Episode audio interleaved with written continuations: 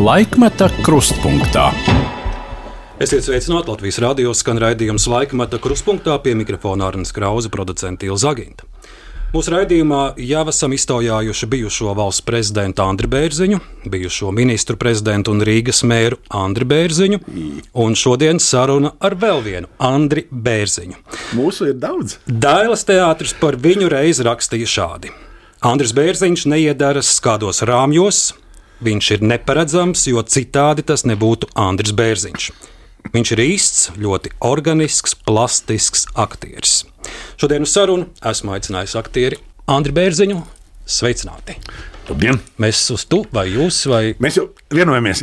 Es uz tu, Uz- es esmu, tu mani sauc kā gribi, bet es tevi par fondu Krauzes kungu. Droši. Jo, t- Tu saproti, tas vācu piesitiens, viņš prasa to, to priekšā, to fondu Krauze. Pat ja tas- Uzreiz tas ir, nu, Pat ja senčos nav fona, Pa- nav bet skan, skan Nav uzreiz tā pamatīgi. Skan labi. Andri, vai gadiem ejot un pārkāpjot uh, 70 gadu slieksnim, Andris Bērziņš sevi sāk ielikt kādos rāmjos, vai arī ir vien viņš ir īsts, neparedzams, un kā meistro Raimonda Paula dziesmā, viņš var arī visu nakti nosēdēt uz jumta.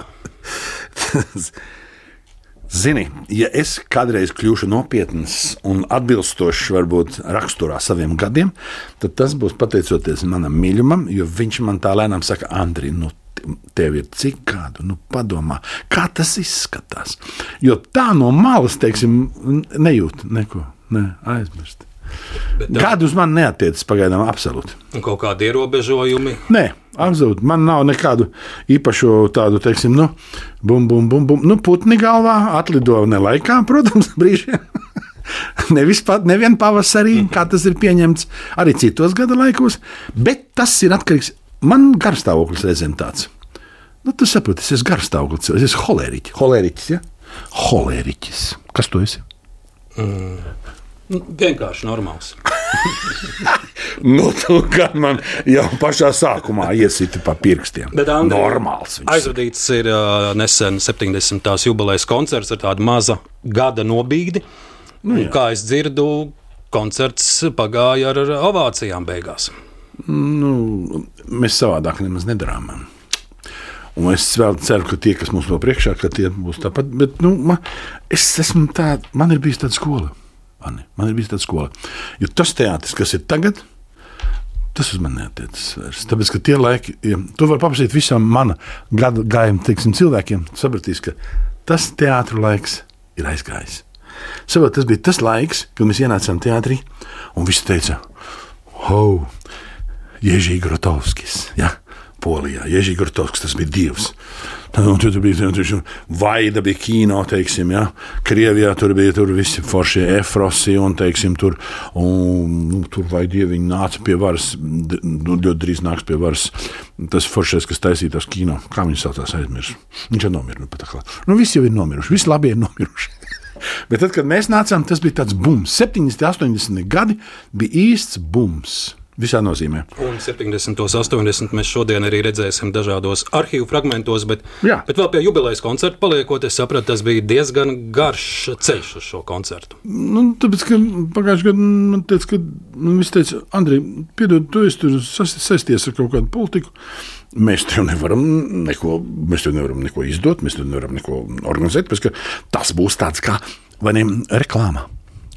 Tas būs tāds kā reklāma, kā es parasti saku. Nu, es nezinu, kā tas tur ir, bet nu, var jau būt. Kaut gan Bet kāpēc nevar svinēt 70. Es- dzimšanas dienu 71. gadā? Es viņu, viņu turpināšu svinēt. Es ņemšu no Pāvila piemēru, un es tos 70 gadus svinēšu līdz 80. Mierīgi. Andri, mēs šodien sarunā dzirdēsim, redzēsim dažādus arhīvu fragmentus, un arī viens. Tas man pat, pat man būs interesanti. Jā, bet arī viens stūlīt pat būs viens citāts no periodikas. Es palūkojos. Tas būs tikai viens piemērs. Laikraksts Padomu jaunatne 1987. gada 19. māja numurs, un tur ir sadaļa lasītāja vēstules. Un es atradu šādu laikraksta lasītājas Irēnas Mangulas Jāgaunieces vēstuli. Mans aktieris meklējams Raņa akadēmiskajā dēls teātrī. Tas ir Andris Bērziņš. Pirmo reizi es viņu ieraudzīju filmā Pavasara ceļazīme. Kaut arī pati filma nav nekāda šedevrs, tomēr Andra Bērziņa atveidotais Artūrs prātā palika. Pēc filmas noskatīšanās visa pasaule šķita kļuvusi labāka. Radās ticība, ka sliktajam sadaroties ar labo, tīro gaišo, noteikti sliktajam būs jāzaudē. Tik ļoti es noticēju labajam Artūrā.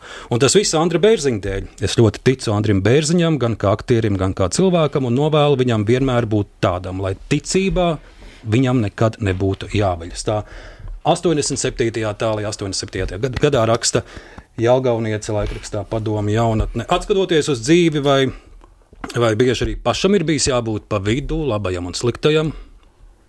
Regulāri, brāļi, regulāri.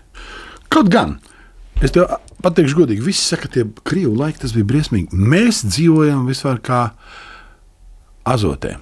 Mēs tiešām bijām azotē, tāpēc ka mūsu kursu vadītāji, ja, Liniņš un Matīsa, tad, kad viņi mūs paņēma savā dainas teātrī, tad mēs bijām tikai mēs bijām priekš tā Mēs visu varējām veltīt tikai tam, lai no mums kaut kas iznāktu. Un ne jau tikai tāpēc, ka tas ir profesionālā vai aktieriski, teiksim, tādā varēšanas ziņā. Liniņš sāka ar Matīsu, un tas ir tas, ko es uzskatu par visnozīmīgāko un foršāko. Viņi sāka mūs kā pilsoņus audzināt. Viņi mācīja pašiem būt ar savām acīm, ar savu galvu, ausīm, visu ko. Ja? Tu pasauli uztver vienreizēji, unikāli tikai tā kā tu. Un tikai tad no tevis var iznākt oriģināls, neatkārtojams un, kā no dieva viņš devis, vai mazāk vai vairāk talantīgs aktieris. Tikai vienreizējs tavs skatījums ir vajadzīgs uz šo pasauli. Un tas, tas ietver ja sevi arī visu to pilsēn, pilsonisko piesitienu, un tas bija ģeniāli. Mēs daudz staigājām, mēs paši viņi mums prasīja. Tu biji tur, apskatījies, nu, izstāsti. Un mēs atskaitījāmies, ko mēs esam redzējuši, kā mums tas patika, mums bija jāargumentē, kāpēc patika, kāpēc nepatika, un vai tas mums liekas svarīgi vai nes nesvarīgi. Un padomu laikos tas bija, nu, piedod, nevienā skolā tev to nemācīja. Ja? Tāpēc, ka visur bija, visur bija ja? rāmis, lielais rāmis, riņķī. Un nedod Dievs, teiksim, tu tam rāmim mēģināji kaut kā pārkāpt pāri. Tur nē, tur mēs bijām savā mazajā skaistajā bumbiņā. Lūk, tas ir tas svarīgākais toreiz. Šo, šobrīd, nu, saprot, ir jau tas, zinu, anekdote par šo. Es gribu sākt ar anekdoti, man patīk. Tā ir veca žīdu anekdote. Ar ko atšķiras rietumu demokrātija no padomju savienības? Un tas toreiz bija tā kā kulaks uz acis. Un viņi teica tā, rietumi, jā, tā ir demokrātija, viss forši. Dari, ko gribi, viss var atļauts, bet nekam nav īpaši nozīmes. Toties padomju savienībā nenotiek nekas, bet jebkurai mazākai vēja pūsmiņai ir baisa nozīme. Mm -hmm. Nu, to tikai žīdi domāt. Jeb krievu, krievu žīdi faktiski. Odesas žīdi. Paliekot vēl pie šīs uh, vēstules 87. Jā. gadā padomju jaunatnē. Lasītāji raksta, šie vārdi es ļoti ticu Andrim Bērziņam, gan kā aktierim, gan kā cilvēkam, un novēlu viņam vienmēr būt tādam. Ir izdevies? Au, Lielā mērā, lielā mērā. Jo kāpēc izdevies? Tāpēc, ka tad, kad sākās tā saucamā atmoda, 89. gadā, vispār sākās 90. gadi, un sākās viss tā pārmaiņu laiks, lielais. Un es pēkšņi sajūtu, ka kaut kas nav īsti labi.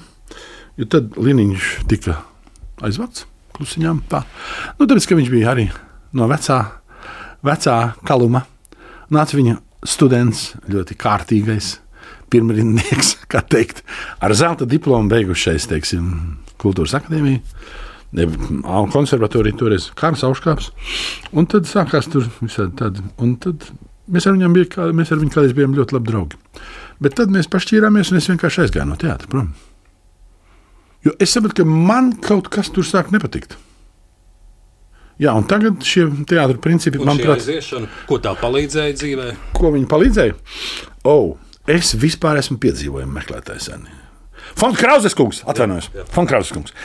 Es, kāpēc vispār šis stāsts? Tāpēc, ka tad, kad es atnācu no padomu armijas, man kabatā bija brīnišķīgi papīri, stiprie. Labāks nevarēja radistus dabūt, ja? es biju radists armijā. Un es teicu, obligāti pasaulē, pa taisno, ja? uz kuģiem virsū un žig kā akmeņainajā ceļā mans varonis. Ja? Un tad Nu, es jau biju naivs. Protams, ka viņi teica, Bērziņkungs, ar jūsu radu rakstiem Kāda pasaule, kāda kuģošana? Piecus gadus jūs, bērziņi, negribēsiet nekur doties ārpusē. Jums ir bijis tur, man bija, protams, ar slepeniem visādiem kodiem, tāpēc, ka es biju uz, uz robežas, uz, uz, biju uz polārā loku, tur, kur lido amerikāņu izlūkmašīnas. Bet ne par to. Nu kā, mans tēvs bija leģionārs, tēvbrālis bija leģionārs. Nu, ko vēl? Mhm. Atā. Mans sapnis par braukšanu jūrā un pasaulē man tā gribējās uz jūru. Es gribēju pasauli redzēt. Ne jau tas, ka tur viss brauc, tāpēc, ka varēja nopelnīt ļoti daudz naudas toreiz. Ja? 70. gados, ja tu brauc uz tirzniecības, tirzniecības flotē, uh, tu pēc tam nestrādāt līdz mūža beigām, pabrauc vairākus gadus.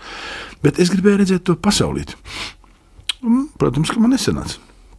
Un tad es atnācu atpakaļ. Un toreiz padomu laikā bija tāds princips ļoti pareizs. Ja tu esi no kaut kurienes aizgājis, paņemts armijā, tad tev obligāti tur jāpaņem ir atpakaļ. Jo es tajā kinoaktieru studijā biju iestājies jau pirms armijas drusku. Ja, nu, tur tā sanāca, ka es aizbraucu līdz savai draudzenītei vienai, kur bija ļoti gribēja būt par aktrisi. viņa, viņa neiestājās. Aiz... Nē, viss ir noticis, tu saproti. Fon Krauzes kungs šai dzīvēm ir ļoti svarīgi. Ne tik daudz, lai tu esi tur baigi talantīgs, vai gudrs, vai prātīgs. Ir viens vārdiņš, kam ir jābūt vienmēr klāt. Tā ir veiksme. veiksme Zini, to vecā anekdote par Titaniku, kas tiem nebija klāt. Viņiem viss bija izņemot veiksmi. Nu, mēs sākām, Krauzes kungs, jā, mēs sākām, lai jums veiksmi pavada visu atlikušo mūžu. Paldies, Lielas. Mēs Lūdzu. sākām runāt jau par teātri. Ar teātri 70. vai Andris Bērziņš sako, kas uh, teātrī uz skatuves notiek tagad, no. vai sako jaunajiem aktieriem? Ne. Kāda ir pamanījis? Es vispār nesakoju vairs. Es vispār nesakoju, tāpēc ka es vienmēr esmu atkārtojis. Es esmu bezskaunīgs, bet es atkārtoju šo tekstu. Ziniet, Fonds Krauzes kungs, es jau no bērnības neieredzu teātri.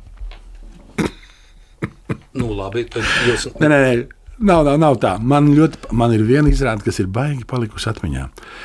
Tad, kad es biju maziņš, un es piedzīvoju Līgas papīra fabrikā, nu, tur mm -hmm. man vecāki strādāja. Un tad brauc pie mums ar izrādi um, uh, aboliņa. Aboliņa mamma, jā, ar izrādīju, kā viņš saucās, sombrero. Es tik labi to atceros, nes kāpēc. Man tā, tā patīkās vispār šī. Bet kāpēc nav interesi par teātri šodien? Tagad, tāpēc, kad es tur um, redzu, citi principi valda. Tad, kad Smilģīts nodibināja savu dēlu teātri, viņš teica, ka teātrī ir jābūt trīs lietām. Tā ir vienkāršība, skaidrība un kaislība. Šobrīd praktiski nekas no vis tā nav. Ir kaut kas tāds, ja? tev ir ilgi jādomā, ko tie cilvēki, kas man ceļ priekšā par lielu naudu, attiecīgo produktu, pirmkārt, ko viņi ar to ir gribējuši teikt. Es pieļauju, ka es esmu vecs. To nav nolikt malā. Tad vienkārši aiziet malā. Ja? Nākošais, ko es teicu, uh, skaidrība, vienkāršība Skaidrība, jā, nu, skaidrība. Tas pats ir skaidrība un vienkārši nu, tās skaidrības arī nav. Jo tu saproti, tad, ja cilvēks tev kaut ko stāsta, un viņš speciāli grib samudžināt tā, lai tu to nesaproti, tu arī to nesapratīsi. Tāpēc, ka katrs var iztaisīt tā, lai tev tas liekas, nu, var zīmēt, varbūt tā, varbūt tā, varbūt tā. Bet, ja tu ej uz teātri vairāk vai mazāk, tev ir jābūt kaut kādai ir kaut kāda tāda universāla valoda, ar kurā teātrim ar tevi kā skatītāju ir jārunā. Un, ja šīs universālās valodas nav, un ja viņi tiešām tiek nojaukta, nu, speciāli, lai es izliktos vēl gudrāks, ja septiņi reizes par tevi, tad, lūdzu, Bet tad no mēs varam taisīt no jaunajiem kolēģiem. Un kaislība. Jā. Ar kaislību arī švaki. Mēs, piemēram, tad, kad mūsu dēls teātrī bija teiksim, pirmizrādes balvas. Ja tu redzētu, kas tur notika, to vajadzēja filmēt. Kad mēs bijām iegājām vecajā dailītē, kad bija 90 aktieru, vecajā mazajā dailītē vēl kolektīvs, un mēs vēl pienācām klāt. Kas tur notika pirmizrādēs? Nāca vecie un stāstīja visādi vonģu. Un mēs sēdējām, mutis vaļā, klausījāmies. Tas bija tāds, un tu sajūties kā iegājis. Tāpēc es teicu, mēs iegājām tādā bumbā, jeb sfērā, kur ir aizsargāta no šīs pasaules, no šīs praktiskās, merkantīlās pasaules, un tu vari atdoties pilnībā tam, kādēļ tu esi atnācis. Tagad tas viss ir garām. Kāda ir pirmā redzama balva? Ha, ha, uh, ātri, ātri, nē, šitā jā. Oi, veči. Ja? Puķiņš, puķiņš, ja? aizsūti tev, ja? Smaiļikus, ja? Aizsūti kvadrātiņus smaiļikus un saka, vai, vai, forši. Fon Krauzes kundze, bet nav laika, nav laika. Nā, darbs skrien, darbs zem darbu. Bet varbūt nu, tīri informatīvi jūs pasakojat, kas notiek, vai vienā teātrī vadība mainās, vai, piemēram, dēls teātrī izrādīja studē Malkovičs no Holivudas. Tam vismaz sakojat. Malkovičs. No, man, man baigi patikt. Ja. Krieviem bija tāds foršs. Tas nebija balss, tas bija tas, nu, kā, kā, kā īstenībā ir tās raidījums viņiem. Bija, nu, viņi, at, viņi attēlo tur aktierus, slaveni attēlo dziedātājus, aktierus, visus tos tur. Un tur bija par Malkoviču baigi labais. Bet Malkovičs, kas tad viņš ir? Nu, kas viņš ir? Serbs, pamāju. Ne? Nu, kaut kas tāds. Nu, tāpat kā, teiksim, nu, kas, nu, kas bija, teiksim, Tesla. Visi slavenie puikas nāk no Dienvidslāvijas puses. tāpat kā Džons Malkovičs. Un šī tā, kā sauc to aktrise, uz amamam, nu ar tā jocīgā. Ar no turienes ir nav svarīgi. Es nevaru atcerēties visu. Malkovičs, nu, un kad um, Fon Krauzes kungs, man jums ir lūgums, bet šeit noslēdzam visiem dzirdot tādu mazu, tādu interesantu dīlu. Jūs aiziesiet uz šo izrādi, ko iestudējis ir Džons Malkovičs. Un vai es drīkstu lūgt, Fon Krauzes kungs, jūs pēc tam man atzvanīt un pateikt, Ekspresa Vai licenci. tas jūs satrieca tā līdz sirds dziļumiem, ka to bija vērts gaidīt visu mūžu? Diez. Es domāju, ka tādai ir jābūt izrādējusi, kur jūs šodien ietu. Ja? Jā, es, ne, pirmkārt, es esmu daudz ko redzējis arī dzemdē pasaulē, bet tajā pašā laikā ļoti maz no tā viss ir bijis. Nu, tā, ka cilvēks izliek uz savas skatuves visas savas iekšas. Tam ir jābūt baisam talantam, jābūt harizmai milzīgai. To nevar aizvietot ar gagiem, ar kaut kādiem tehniskiem, teiksim, par, mēs to saucam par fiņķi kļuškām kādreiz. Ja?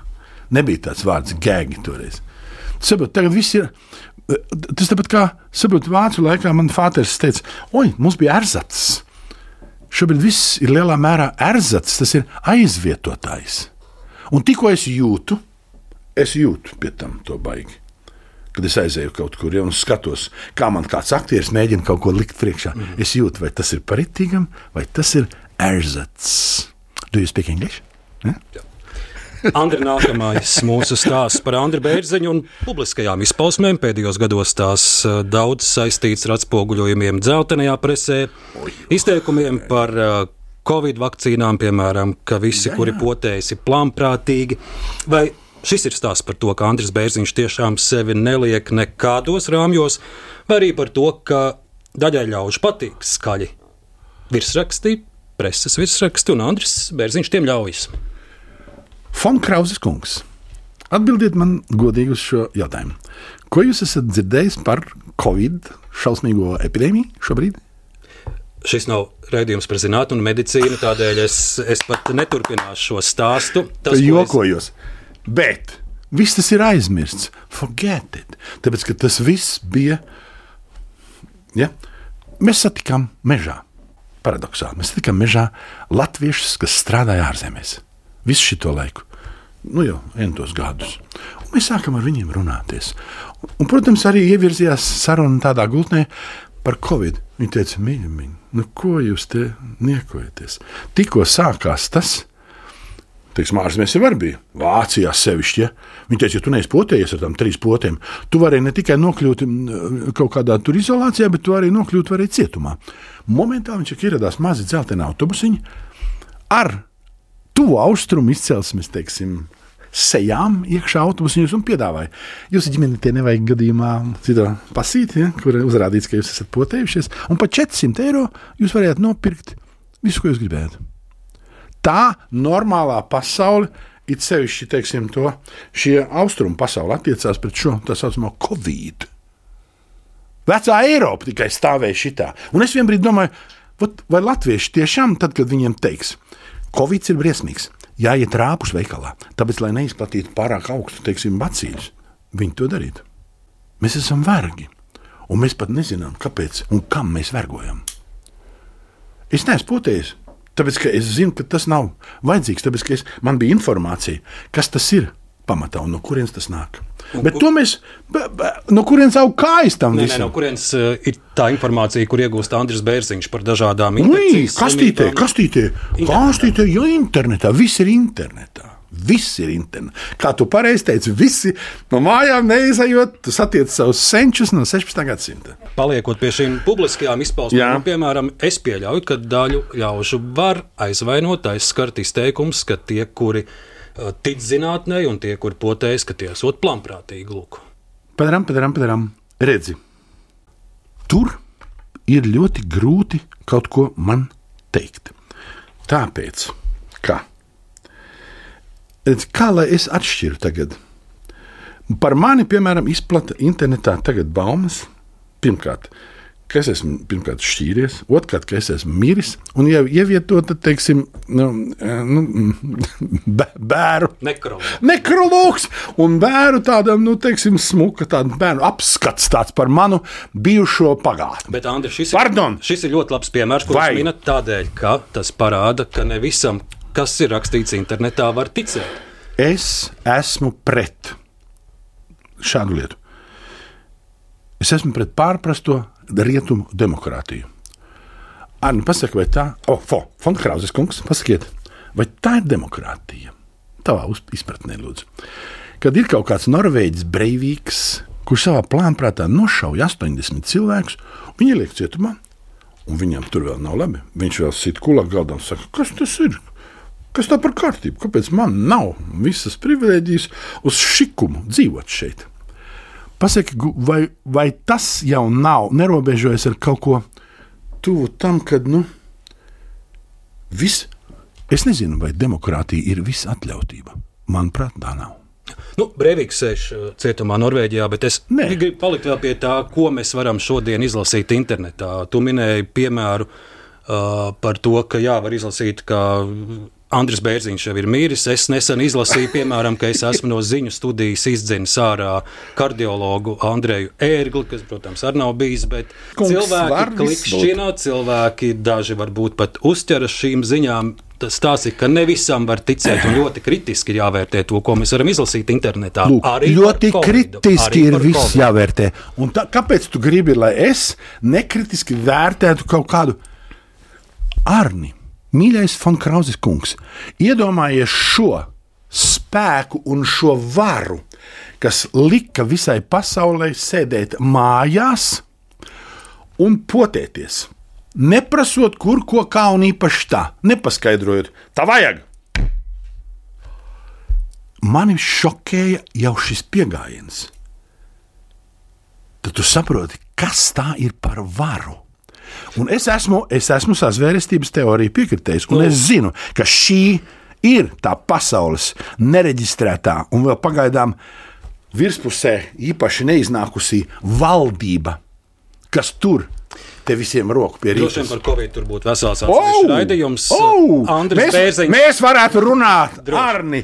Ho, Jā, Fonkrauzes bet Andris Bērziņš tic uh, dažādām sazvērstības teorijām. Es, Es ticu, piemēram, jā. ticu profesoram Ludmilai Vīksnē vai Baibai Rozentālai. Tas ir katra ticības jautājums, un pie tā mēs Jā. paliksim, jo tā ir tad Un tas ir, saruna. tas ir demokrātijas pamatā. Tieši tā. Piekrīt. Andri, pārskatot pēdējo gadu internetā publicētās sarunas un uh, preses intervijas, secinu, ka uz daudzām norisēm Latvijā Andris Bērziņš raugās caur tādu kritisku, arī tādu negāciju prizmu, vai tiešām mūsdienu Latvijā šobrīd viss ir slikti, vai ir arī labas lietas, cerīgas lietas, bet par tām varbūt Andrim Bērziņam neviens neuzprasa. Prasa tikai par to kritisko negatīvo. Tu zini, es esmu bijis klāt. Es esmu jau vecs, un es esmu piedzīvojis tos laikus, Fonkrauzes kungs, kad es lasīju tādas atskaites. Nu, tās bija oficiāls atskaites. Tas bija no Padomju Savienības vēl laikiem, kad 89. gadā, 89. gadā vēl, ja? Padomju Latvija bija visattīstītākā, ekonomiski visattīstītākā Padomju Savienības republika. Vienā sestdaļā pasaules. Tas par kaut ko runā vai ne? A, kas mēs tagad esam? Tu zini, ko es satieku uz ceļa, braucot jūrmalā? Es satieku baļķvedējus, šķeldu mašīnas un vairāk neko. Man, godīgi sakot, Fankrausas kungs, vispār ir jautājums. Es gribētu satikties ar kādu no ekonomikas vai finanšu ministrijas un jautāt, kas ir mūsu, kas sastāv mūsu valstiņas IKP. No kā mēs pelnām naudu vispār? Ja mums nekā vairs nav, man blakus dzīvo jūrnieki, kuri saka, Andri, mēs aizbraucām uz Igauniju, kaut vai tepat, ja, kas draudzējas sen jau ar somiem. Viņi saka, mēs saķērām galvu, mums uznāca raudens, un mēs grib, mums gribējās piedzerties. Tāpēc ka tas, kas notiek tur, kā tur attiecas pret to, pret zvejniecību, ja, mums tādas praktiski vairs nav. Un, ja ir, tad viņi ir tā iežmiegti tādos rāmjos, viņiem ir jākārto tādas lietas, par kuriem man nāks zviedziens. Ja?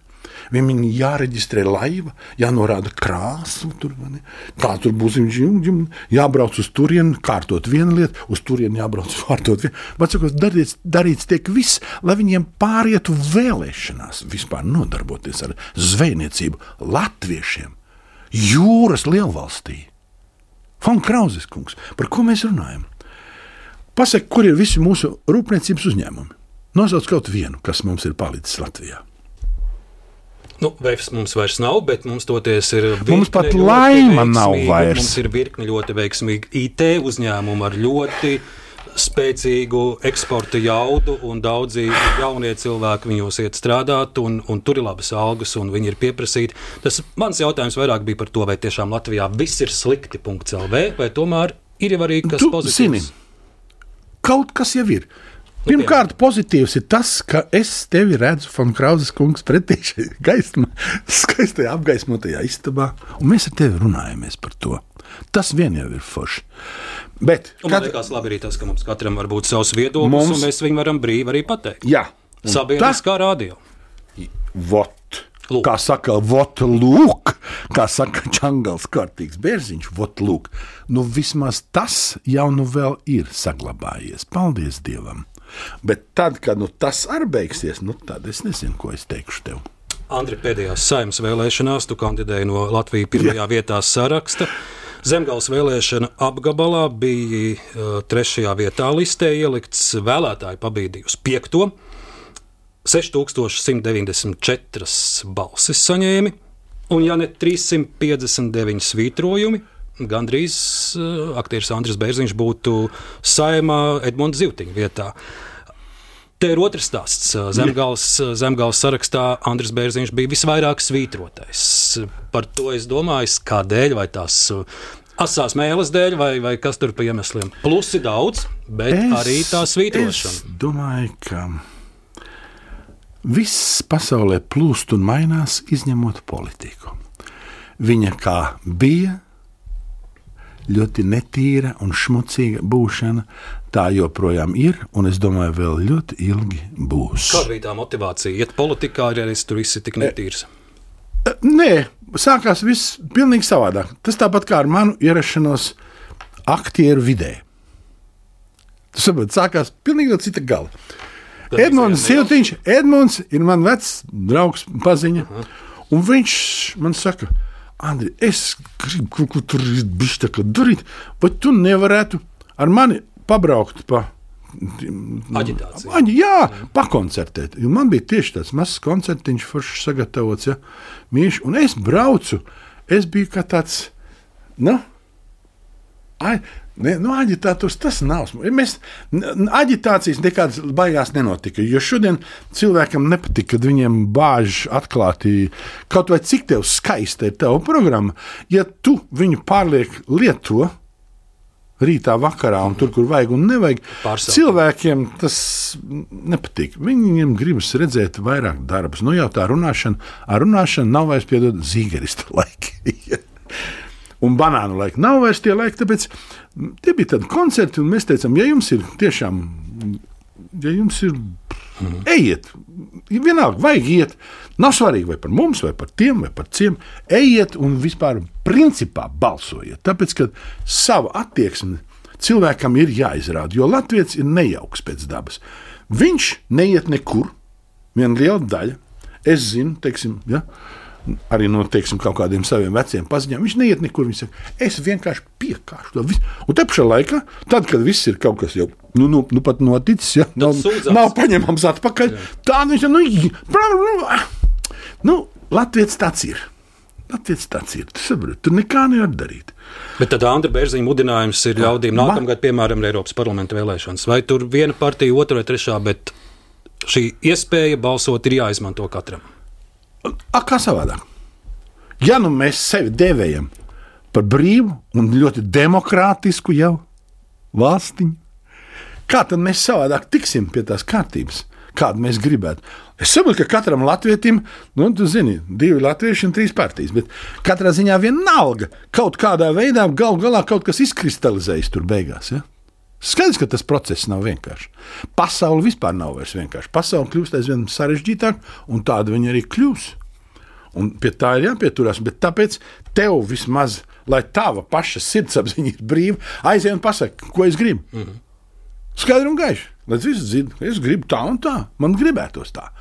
Ja vēlreiz piedāvātu kandidēt kāda partija, kādā listē Andris Bērziņš to darītu, vai ar vienu reizi pietika? Nu, zini, man jau liekas, ka man ar vienu reizi tā pietiek. Kaut gan es smējos, zinu par ko.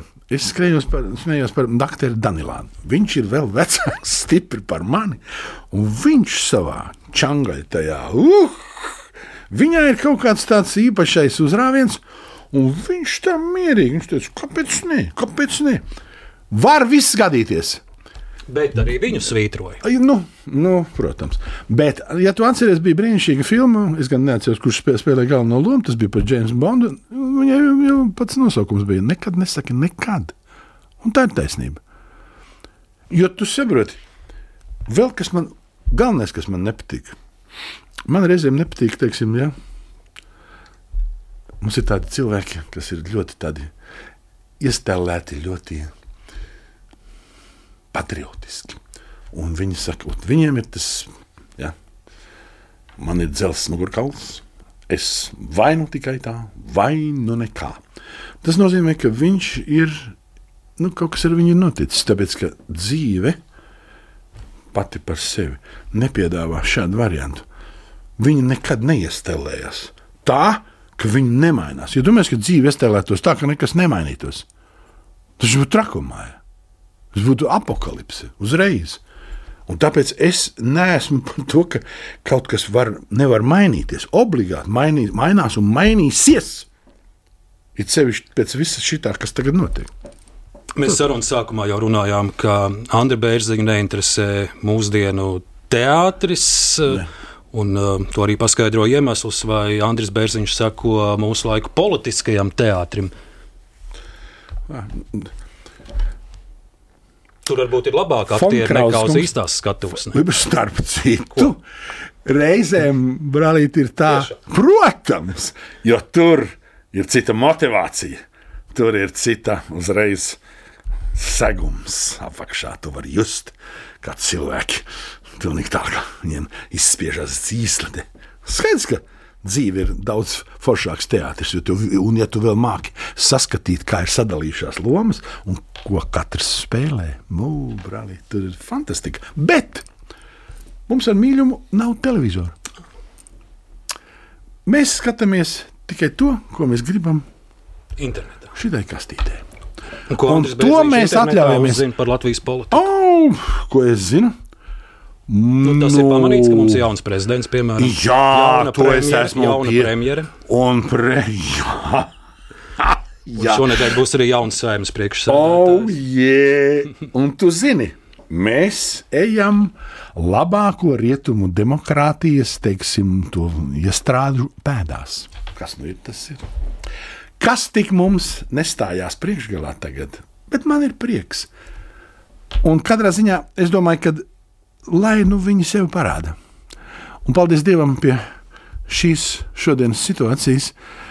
Noskaidrojas viss diezgan ātri, kas ir kas ja? un kurš ir kurš. Jo tu zini, tāda paša tāda bļaustīšanās un, un cīnīšanās ar rungām, vai bez rungām, ar vārdiem vai bez vārdiem, tas neko nedod. Jo šodien vienīgais, kas teiksim, parāda cilvēka vērtību, ir sevišķi tā cilvēka, kas ir ieņēmis kaut kādu valsts atbilstošu amatu, ir viņa darbi. Nav citas iespējas. Un tāpēc, ok, lai viņš viņu nav slēgts, visi saka, fu, šī, tu. -hmm. Nav zināms. Reizēm notiek arī brīnumi. Es ļoti ceru, es savos 71 gados, Fonkrauzes kungs, es joprojām esmu atvērts brīnumam. Arī politiskiem. Yes! Publiski Andris Bērziņš ir komentējis un kritizējis daudzas norises karš Ukrainā. Šajā jautājumā es neatradu nekādu Andra Bērziņa pozīciju, kāda tā ir. Kāda lai man būtu pozīcija? Ar pozīciju. Es skat, vienīgais, ko mēs skatījāmies, vienīgais, ko es skatījos, kā tu mocīji nabaga Ivaru Kalniņu, kas viņam nāk gāja tik grūti. Radio intervijā. Ja? Nu, protams, tepat. Nu. Jā, jā. Nu, kāda pozīcija? Protams, es tev atbildēšu vien, viennozīmīgi. Karš pats par sevi kā parādība 21. gadsimtā tas ir. Nu, teikt, ka tas ir anahronisms, tas būtu nu, nete, nepateikt neko. Nu, piedod, nu, tas ir. Un te pašā laikā, redzi, es dzīvoju tālajos 60. un 70. gados. Kad es teicu, Amerika, šis agresors, Vietnamā, ja? Korejā, Āfrikā, Kuba. Es tev pusi pasauli nosaukšu. Ko es teicu? Man, es biju iemācīts teikt, man bija jāsaka tas skolā. Man bija politi informācija skolā un, un armijā. Es teicu, tas taču ir ārprāts, kas tas par agresoru. Nu, un tagad es skatos, nu, jā, nu, ja, tur kārtojās atkal kaut kas. Bet es domāju, ka kārtojās bija viņa savādāk tas viss. Es te neņemos spriest, bet man liekas, kā tu tulko vārdu paradigma. Es gribu palikt pie vārda agresors, kur tu minēji, ka Krievija šobrīd ir agresors. Nu, tu zini, nu, ja tā teiksim, ņem tā vienkārši bez. Kaut gan tu saproti, minēsami. Fonkrauzes kungs, man te jāatzīst, tas, nē, nē, man jāatzīst, tas tev vienkārši. Nav nekas briesmīgāks kā vēsture un daži tie notikumi. Tāpēc, ka visu to raksta tikai uzvarētāji, ja? un tāpēc mēs īsti nezinām, kas tur, kā tur, ko tur un kāpēc tur. Tā par ritīgam. To mēs uzzināsim pēc daudziem gadiem. Jo izskatās, tas viss aizdomīgi, protams. Bet Tad- katrā ziņā tas forši nav. Tad man jāpārprasa otrais, vai Krievija šobrīd ir agresors Ukrajinā un Putins tas, ko viņš dara. Nu, Putins tas ir sviests, jā. Putins ir drusciņš sviests. gan. Kā Andris Bērziņš redz, ar ko šīs šausmas, šis karš beigsies? Es ļoti ceru, es ļoti ceru. Es lasīju tādu informāciju, interesantu. Es ceru, ka iejauksies, zin kas. Es domāju, ka tie, kas te uz zemes dzīvo, mēs esam tam neesam gatavi, ka iejauksies kaut kādi citi spēki. Sauksim tos par uh, ārpus sistēmas kaut kādas, sauksim tos par NLO, kaut ko tādu. Jo es domāju, ka nepieļaus tie. Tu tici, ka ārpus teiksim, mūsu planētas ir kaut kāda saprātīga, teiksim, ā, kaut kādas civilizācijas? Nē, Tu netici. Nē. Tad es esmu strūpā. Bet man liekas, ka ir. Un man liekas, ka šo šāda veida konfliktu šobrīd, kad ir 5 mm līdz kaut kādai, ja, ja, var atrisināt tikai kaut kā tādu. Un es esmu saskāries ar tādiem, ar faktiem. Bet labi, viena lieta ir NLO, bet, bet nu, jāmēģina, jāmēģina atrast uz mūsu zemes to saprātu. Kur šeit atrast saprātu, lai, nezinu. lai Putinu apturētu, lai šo karu apturētu? Es nezinu, sasauksim pilnsapulci. Ja tu saki, ka ārpus nav, bet tu zini, kad ir bijuši gadījumi gan Amerikā, gan Krievijā, kad milzīgs raķešu komplekss pēkšņi gribēja palaist un nevarēja. Un redzēja, ka virs viņiem stāv kaut kādi mistiski lidaparāti. Es esmu daudz skatījies uz NL. Ir daudz, ļoti daudz materiālu šeit, ja, tā pašā kastītē. Es viņus nevaru tā ignorēt. A, tu uzskati, ka tas ir ja? pareizi? Par NLO, jā, bet, bet paliekot vēl pie, pie drošības jautājumiem, vai Andris Bērziņš arī, arī lasot ziņas par Ukrajinu, domā par, par savu drošību, par Latvijas drošību, vai tas, ka mēs esam piemēram NATO, ir kaut kāda tāda papildus drošības sajūta? Gan personiski, gan domājot par, par savu valsti. Es tev pateikšu tā. Es droši nejūtos, bet man arī nav bail vairs. Tāpēc, ka es bijis padomju armijā, es esmu redzējis arī visādas briesmas un brīnumus. Ja? Un tad es ticu tam, kas ir rakstīts Mahabharatā. Ka atomkarš uz mūsu zemes jau ir kādreiz bijis. Ja? Es saku, es daudz šīm lietām esmu sekojis. Man tas ļoti interesē un man patīk. Ja? Jo, ja, ja aizies lieta līdz šai sarkanajai podziņai, nu, piedod. Nu.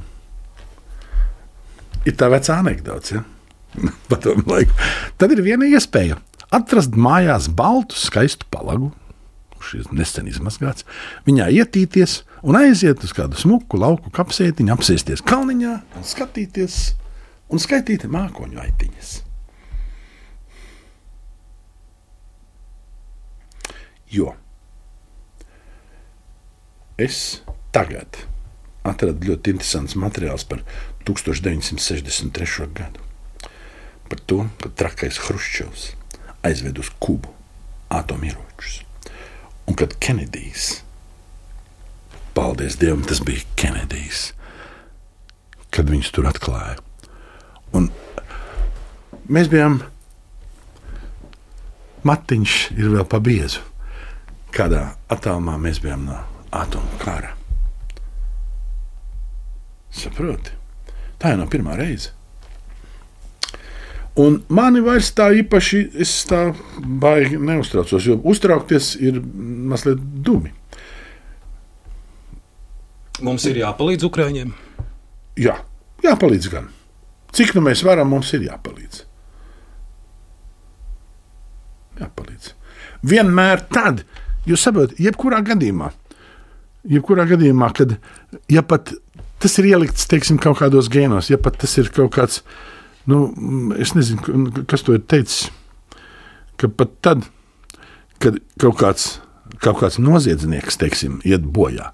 Viņam ir jāpalīdz, lai pēc tam viņu varētu tiesāt. ja? Un otrādi. Ja? Bet jāpalīdz ir cilvēkam, ja cilvēks pazaudēs spēju palīdzēt, no, nu, tad gan būs. Tad nu gan būs sūdi. Jā. Kā tu redzēji, piemēram, Krievu mākslinieki, Krievu inteliģents arī ļoti sadalījušies. Ir, ir tādi, kas ļoti nosoda šo iebrukumu, ir tādi, kas ar Putinu ir uz vienas skatuves. Cik tam sako līdzi? Nu, ko, ko es tur varu izsekot? Tur maz jau ko var izsekot. Es tikai nē, mēs, at, mēs atklājām tur vienu tādu, ja kaut kad, kad tur iet vaļā lustīgi arī. Jā, viņi jau vien, viena daļa vienkārši ir izbraukuši ārā. Daudz. Bet, e, godīgi sakot, es, man jāsaka, Fonkrāzes kungs, es atradu. Hmm. Es tagad tā baigi nevaru tam visam izsekot, tāpēc, ka tādas īpašas, manuprāt, tādas īpašas informācijas arī par šo nav, kas kur kā notiek. Ja? Man teiksim, pat kaut kādu cilvēku, ko es gribētu uzzināt, kas kur ir noticis, vai kas, kas, kur viņš atrodas, kur kas ko. Ja? Tur jau atkal jāprasa, tad mums jāprasa tava palīdzība. Tu tagad esi izracis tur daudz visādus smukus arhīvus. No tiem gadiem, kad uh, tu daudz filmējies kino, ir vēl kādi kontakti ar kādiem, nezinu, ukrāņu kolēģiem vai krievu kolēģiem? Ir vēl kāda sazināšanās šodien? Tas ir, es jau es esmu Es, man jāsaka, šo, tā, man jāsaka, diemžēl es esmu pamazs filmējies kopā ar krieviem. Es esmu pēdējā laikā filmējies ar krieviem, tad, kad braucam, nu, viņi šeit daudz, viņu daudz izmantoja teiksim, mūsu placdarmus, un tāpēc es ar viņiem vairāk, bet tad laikā, tad, kad visi brauc uz turieni, es nodarbojos ar citām lietām, ja es jau biju aizņemts te. Bet eh, nav man tādu, ne, man nav tādu īpašu. À, nē, kontaktiem. nav Nu, nu, par- kontaktu. Vienīgais, mums bija labs konta- kontakts. Viņš jau gan nav Krievs, viņš ir Ulf, Ulfsaks, bet Ulfsaks ir nomiris. Un tagad, oi, tas arī tas ir ģeniāli. Nu, tas, kad es, es esmu pasludināts par mirušu, tas ir tā. Bet krieviem arī viņiem tur ir kaut kāda tāda mode, es nezinu, kas tur nu, darbojas ar to. Mēs esam atraduši, mēs pēkšņi uzliekam, skatāmies. Tur viss bija, tur bija vesels lērums pasludināt, ka viņi ir nomiruši. Saprot, viņiem ir tāda kaut kāda tāda, nu, tā saudabīgā viņu humora izjūta, acīm redzot, darbojas. Un tas tagad ir kāds pārņēmis arī šeit. Nu, mazliet stulbi. Nu, kaut kā tā. Tā kā īsti. Andri, mēs daudz esam runājuši par politiku, Jā. bet uh, mūsu raidījumā mēs arī skatāmies dažādus arhīvus, gan no kino, gan no uh, radiofonotēkas, un, un tā tas būs arī šodien. Uh, Tu teici, ka tu neesi daudz filmējies, bet es paskatījos 70. gadu beigas, 80. gadu pirmā puse, gana daudz lomu un arī spilgtas lomas. Jā, šeit Rīgas kinostudijā. Un es pat visu šodien nevaru ne uzskaitīt, Nevajag, ne nevajag, arī nevajag. nospēlēt, bet es izvēlējos dažus Nu, nu. fragmentus, kas man likās interesanti. Un ar tavu atļauju pirmais fragments būs no filmas Šīs bīstamās balkona durvis 1976. gads režisore. Dzīdra Ritenberga. Un šajā filmā Andris Bērziņš ir Ērika lomā. Jā. Filmas uh, stāsts vienā teikumā. puikas nod, grib nodarboties ar mākslu. Bet arī tad, ja tu gribi nodarboties ar mākslu, visam ir kaut kādas savas ētiskās robežas. Un viņi tur izprovocē tādu nevisai smuku meitenīti uz kaut kādu satikšanos un gribas paskatīties, kas ar viņu notiks. Un, protams, notika nelaime, tāpēc, kad līdz lietas un meitenīte iekāp, iekrīt kaut kādā tranšajā, nu, neforši tur sanāk. Ja? Un šajā, Bet to visu tas viss ir kā mākslas vārdā. Un šajā filmā jūsu kolēģi ir Antra Lietskalniņa, Viktors Lorents, Varis Vētra, Ligita Skuiņa, Pēters Gaudiņš. Esmeralda Ermālē, Mirza Martinsone un vēl virkne jūsu kolēģu, bet tātad fragments no 76. gada Jā. filma šīs bīstamās balkona durvis. durvis. Manu mazulīt, manu bērniņu neraudi. Tētis mūs sit, nemīl. Manu bērniņu kurš neraudi. Nezvērs tāds, kā tu varēji tik maziņam, tik vājam. Neraudi, neraudi. Izmetīšu tos filmas mēslos. Neraudi, mīļi. Edīt, nu beidz taču ar to bērnu tik sērīgi runāt. Tu pat visu laiku viņu raudini. Dēliņš, mans dēliņš. Liels, Edīt, nu es liels. taču viņam tikai tādu drusciņu par rociņu. Jā, tā drusciņa. Bet, ja mēs tētītim pa kakliņu, čuriņāt gribi? Vai kā Izbeidz ar gribi? Viņu tā žēlbainā balsī raud? Vakar viņš nokrīt uz grīdas un uz mani skatās. Bet es sāku smaidīt, un viņš Kad arī vakar? smaida. Es būtu raudājis, viņš noteikti raudātu. Audzinām. Čau! Jā, nu pat līmēja filmu. Pienāks sīkais, es skatos fināls mutē. Nu, Es viņam tādu drusciņu par rociņu. Tā drusciņa. Nu, tagad žūst. Nu, žēl gan. Es to gribēju parādīt tēvam tieši šovakar. Ai, neuztraucies, sīkais jau iebāz mutē tikai pašu galu. Es viņam tā kārtīgi sadevu pa pirkstiem. Edīt jau brēc, Benjamins Spoks saka, ka bērnu nedrīkst aiztikt. Kas tas par Benžaminu? Ei, kaut kāds jeņķu ārsts. Tagad jau viss ar viņu traki kļūst. Nu, pat mūsu tā Edītas draudzene Austra. Atceries, varbūt? Austru nē. Aizjām vieniem pie viņiem ciemos. Kā stāv glāzītas uz galda. Sīkais pienāk ar lineāli izglāzes čūpā šņabs pa gaisu man uz biksēm virsū. Vīrs gribēja iedot mazliet sīkajam pa dupsi, bet te uzreiz Austra saka, spoks, spoks, Ei, saka to un ei. to. Bet vai tu ziniet, ka Makārenko ir teicis, Oliņai. ka bērnu līdz 5 gadu vecumam vajag pērt? Sālīti gribi. Bet, piemēram, Japānā bērniem atļauts absolūti viss, kas. Un Benjamins Spoks raksta, ka bērnos esot apslēpta personība. Palasi. Mums ir Benžamins Spoks. Kas viņš tāds ir? Bērnu ārsts. Marinai vajadzīgs. Nē, man. Tu pie viņas biji. Tu biji pie Marinas. Es biju piedīts un Erika. Viņi no savas sīkā cenšas izveidot personību. Interesanti. Kā jūs no manis veidojāt personību? Roland, Kā tu runā? Andris Bērziņš, Erika Lomā, Andri, Nu, jūs pats kā audzinājāt savu meitu Mariju pēc Spoka, Makarenko vai pēc Japāņu metodas, un kā jūs vecāki audzināja jūs? Nē, Es audzināju ģeniāli. Tāpēc, tu pastāstīšu, kāpēc. Tas bija 80. gads. Viņa piedzima Olimpijādē. Visi bija satrakuši uz to sportu. Un mēs atradām kaut kur, eh, kad ir tāda forša metode, ka bērns ir jāslīcina. Ja? Mēs viņai aizvedām jūrmā kaut kur. Viņam bija dažas dienas. Tas basēns stāv. Dakteris viņu paņēma aiz kājām, to bērnu. Nu, dažas dienas. Nu. Un tā, visi, visi neskatās. Es vienīgi skatījos, bet man bija interesanti, ko tas dūlis darīs ar bērnu. Čau, paliec vaļā. Bērns ienirst ūdenī, un tad lai viņa nav. Uzpeld, uzpeld, pareizi, uzpeld šitā, augstpēc, ja, un mēli tā te mutē priekšā. Un tas dakteris saka, jā, reakcija pareizi, jūs varat to darīt. Un tad veselu gadu gandrīz. Lau- Mājās bija lau, lielā Latvijas laika vana, tā zina, tā čuguna. Es pielieku pilnu ar ūdeni, siltu. Smuki ielika, ielika. Un es teicu, nu tad aiziet. Paņēmu viņu tā uz krūtiņa un nospiedu zemē. Un viņš no apakšas stāv caur ūdeni skalā uz mani un mēlti. Un tas bērnam pēc pāris gadiem izglāba dzīvību. Saprotiet? Kad viņš bija šitā mm, iemācīts nebaidīties no ūdens, tad, kad aizbraucu uz laukiem pie opi, pavasars bija. Un vētra bija saviem ā, vētru, man, mans, man, laikam, bračku. Un tur saprot tāds dīķils. Nu, tas fāters iziet tad, un tur ledus foršs gabals. Un tas sīkie tur čuču, un uzkāpj, un tas ledus gabals ar visu to sīko apgriežās šitā te otrā. Ja? Amugurā cīt, uh, trusīši kažociņš. Ja? Brālēni, tie sīkie, tie pārbijušies, kamēr atskrien uz māju, un neko nespēj. Sīkais mierīgi ar malu, nu, malu atkus uz bišķiņu, izlien ārā, nāk, viss slapš. Ja? A, ja viņš nebūtu tur trenējies, a tā. Lūk, šāds fragments, bet Jā. nākamais kinofragments uh, būs no 77. gada režisors Oļģerts Dunkers filma Vīrietis labākajos gados. Padomā. Šeit mēs redzēsim Andri Bērziņu teņa lomā un Lāsmu Kugrēnu Vitas lomā arī vienā teikumā, par ko ir filma. Par mīlu. Nu, par Fonkrāzes kungs, nu par ko tad cik? Nu, tad skatāmies Nu, fragmentu. Tu gan esi tur savācis kaut ko. Bum, bum, bum, bum, bum, bum, bum,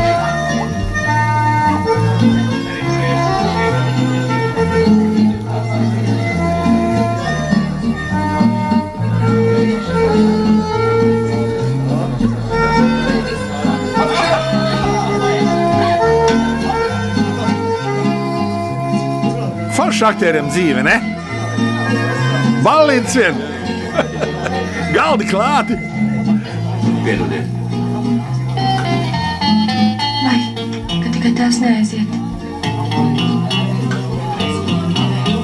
Kas pa džeku, ne?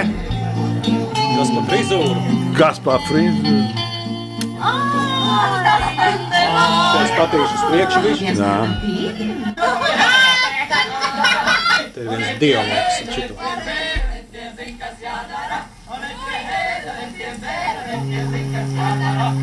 Tā ir Rīgas ostiņa. Kļūst vēs, rietumu vējš. Agrāk to sauc par lašu vēju. Jā. kad Kad bija lašs. Nāk no, no zvejniekiem, No laiviniekiem. un tas ir kas cits. Laivinieki bija pārcēlāji. Jā, bija forša profesija. Es domāju, ka mēs šeit esam dzīvojuši vienmēr. No 1700. Jā, Nemaldos, jūs esat maiņas meistars. Jā, Bet, ja es jums piedāvātu pārnākt uz konstruktoru biroju,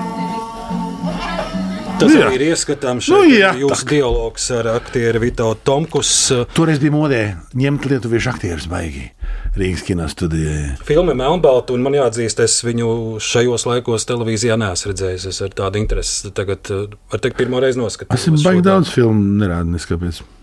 Nē, tur sākās baigās ūdeni, to, kad kino studijā tur sākās visi tie īpašuma tiesības un viss tas tam, glab, glabāt to, tur atkal tā izvirzīja kaut kādas savas tur prasības. Tur sarežģīti tas viss, bet nu labi. Andri 70. gadu beigas ir virkne veiksmīgu lomu gan kino, bet īpaši jaunajam aktierim Andrim Bērziņam uz Dēlas teātris skatuves. Un yes. Yes. par teātri kā pirmā loma, ar kuru es gribu sākt šodien, ir uh, izrāda nāca uz manām trepēm spēlēties, jeb 13.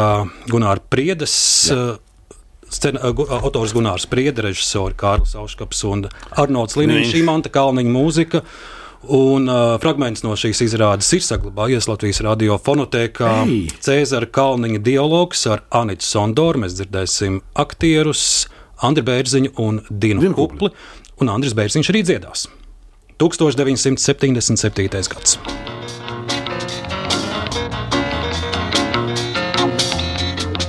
Ja četri balti krekli ir jaunam cilvēkam, tas iziet var caur dzīvi bez lielām pārdomām. Un tikai reiz par reizei kāds atgādina viņam, kāds iesma nav par krekliem, bet ir par sirdsapziņām. Tas pirmais priekšniecībai, kad jāiet rādīties, un tad nu pašā gribai vēl paliek. Jā, kas tad jums tur bija uznācis tajā sapulcē? Man? Jā. Jūs taču visu apgriezāt par 180 grādiem.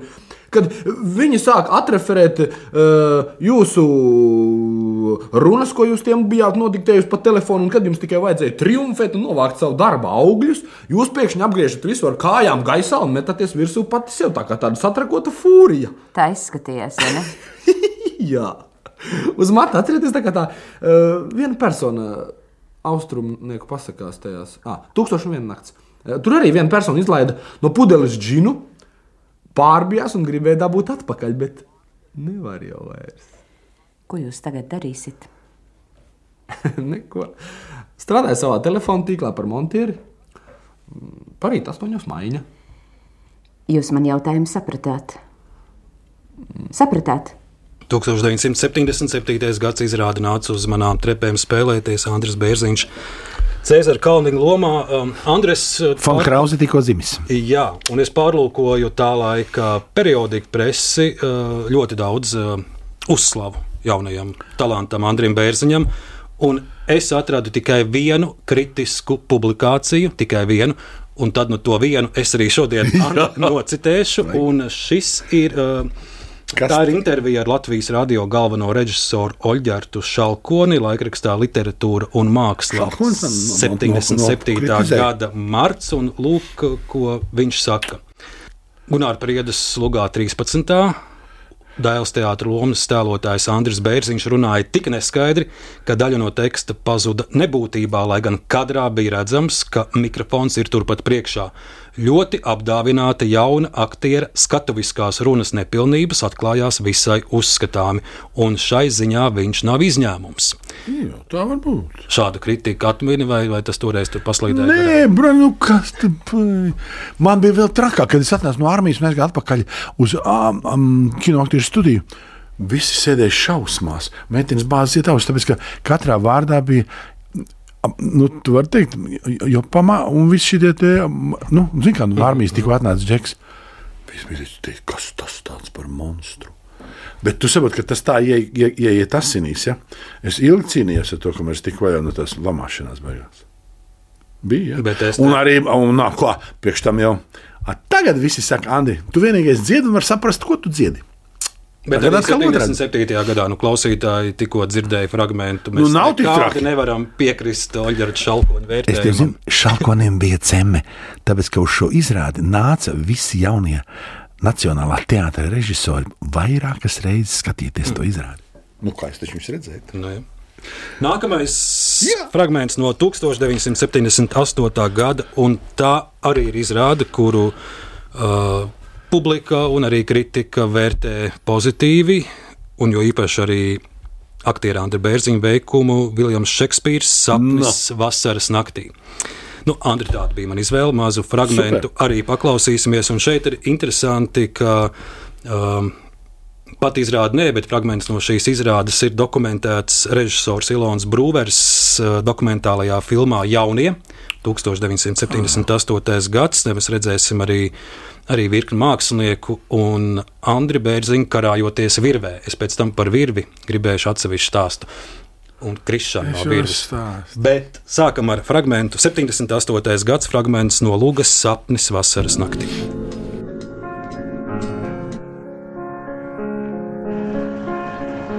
Nāciet šurp, dūkņus, gari, šurp, kur vājas liesmas spīd. Lēni tā kā mēnesis stāri mūsu pulks, lai iekšā slīd.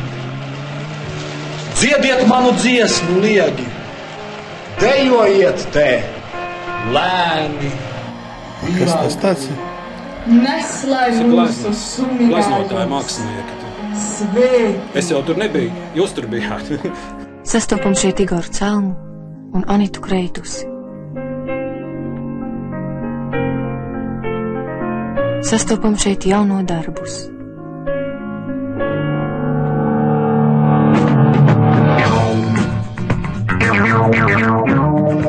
Un te ir arī jaunie no Dailas teātra. Ko šis gads atstājis projām ejot? Ko tam atstājam mēs?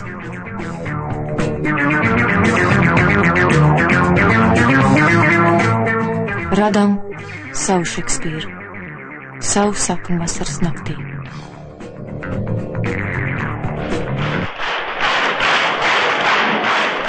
Jautājam sev. Jautājam gleznotājam Jānim Paulukam.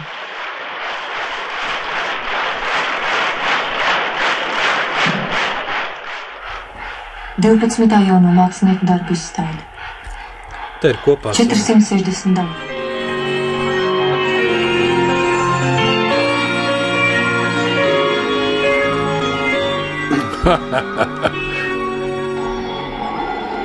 Redzēji?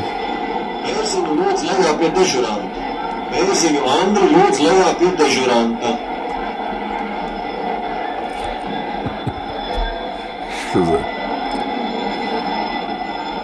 Triko tas bija baisi. Un triko bija tāda, tāda krievu laika, zina, tāda biezi. Vai... Ne viņos iekšā varēja tikt ne ārā, zini. 78. gads Šekspīra sapnis vasaras naktī Andris Bērziņš, arī Latvijas radiofonoteka saglabājusi Oberāna dialogu, ir vairāki fragmenti. Šis bija viens no tādiem stipriem aktieru pamatiem, kas tika ielikts. Tāda izrāda nebija neviena. Mēs tā uztaisījām, tas bija mūsu diplomdarbs. Sestās studijas diplomdarbs. Un mēs viņu nospēlējām kādus sešus gadus. Un vēl 1981. gadā, kad mūs uzaicināja uz Sociālo valstu jauno teātru, uh, baigo festiņu, Tbilisī, mēs paņēmām visus godākus. Viss bija pilnīgā sajūsmā. Viņš teica, viņš teica, jā, nu, Ježī Gratovskis, Ježī Gratovskis, tas ir Polijā. Jā, jā, Ježī Gratovskis, bet mēs bijām šeit ar savu šito te akrobātisko izrādi.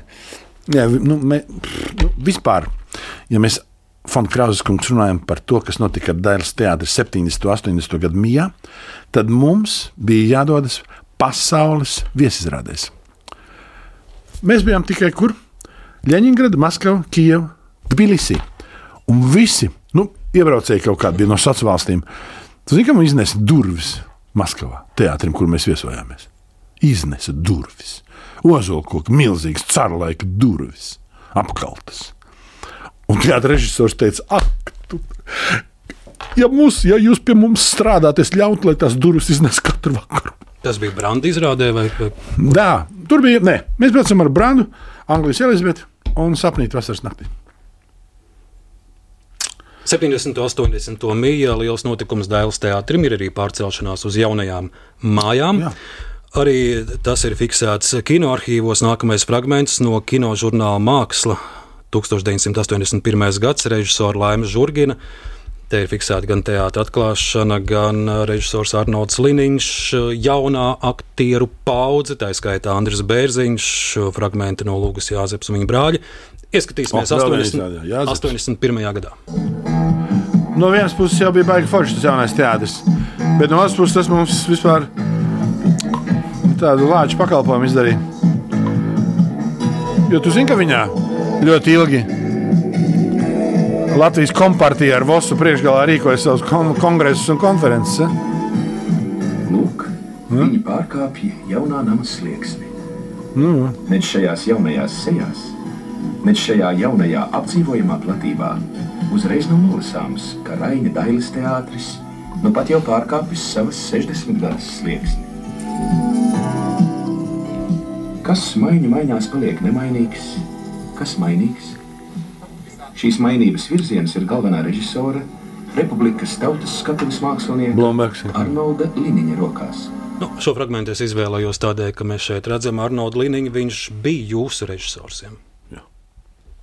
Viņš bija mūsu pedagogs. Un tāpēc es esmu laimīgs. Andri, nākamie fragmenti būs atkal no kino.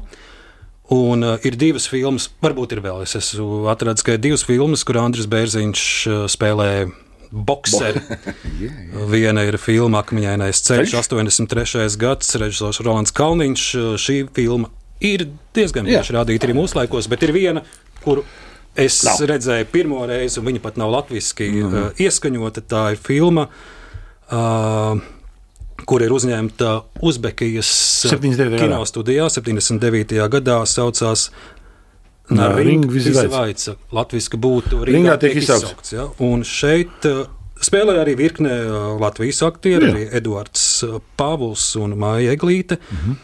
Un, uh, Andris Bērziņš šeit, ah, un arī Harijs Liepiņš spēlē, un Andrim Bērziņam šeit uh, uh, filmas partners ir īsts boxers, kas Pasaules vēlāk ir- čempions. Vēlāk ir pasaules čempions. 79. gads Uzbeku filmu ringā tiek izsaukts, un lomā arī Andris Bērziņš paskatīsimies, paklausīsimies fragment. Nu jā, tuvojās Krievijas olim- olimpiāda. Visi taisīja par saviem supersportistiem kino. Lido vecais jūrmalā tas ir. Šis? Jā. Viņš vairs nav. Nu, tagad jauns vietā, uzsācis. Bija koka vēl vecais Latvijas laika Va. Это Флайн, мой будущий менеджер. Šis ir tas boks čempions.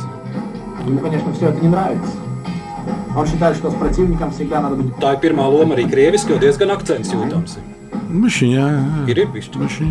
Nu kā? Bet tas ir es- bez dublēra, jā, paši, Чем paši. сейчас Прот. хорошо, перейду в профессионалы. Что значит хорошо?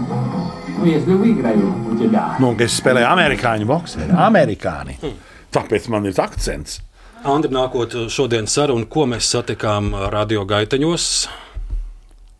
Mēs satikām Paulu, jā. Maestro Raimonu Paulu. Un, uh, uh, Maestro ir veltījis virkni programmu, virkni dziesmu arī, arī tev. Un uh, Maestro ir, ir savs humors par dziedošiem aktieriem. Ir, bet, ir. bet, manuprāt, viens. Viņš par mums bija ņirgājās. Nu, tas nekas. Uh, Es nezinu, vai tā ir pirmā sadarbība, bet droši vien uh, viena no pirmajām satikšanās reizēm tev ar Raimonu Paulu mūziku ir. Ir stāsts, skumjš stāsts par Ok, okay, Keriju, jā. 1978. gads, un, manuprāt, ja ņem vērā vēl tā laika iespējas, ir tapis uh, izcils darbs, režisors Ansis Bērziņš, scenārija autora Ligita Vidulēja. Raimonds Man te ir kaut kas sakāms. Jā. Viņš jau toreiz mūs. Pauls žņauca. Viņš mums neļāva vētru dziedāt pašiem. Manā vietā dzieda Sisojos, bija tāds, ja, Sisojos, un um, vara vietā dzieda Žoržs Remņos. Žoržs Siksna. Rem, nu, jā. Žoržs Siksna. Mēs Arī viņu saucam tā. Mazs Nu, fragments no uh, Un šī filma dabūja Rostokā. balvu. Z- To neviens nezināja.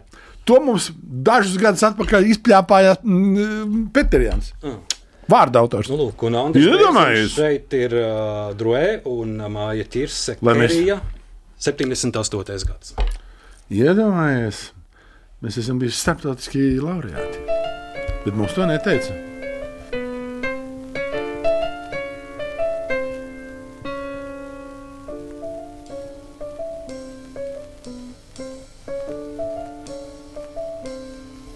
Vienreizēji.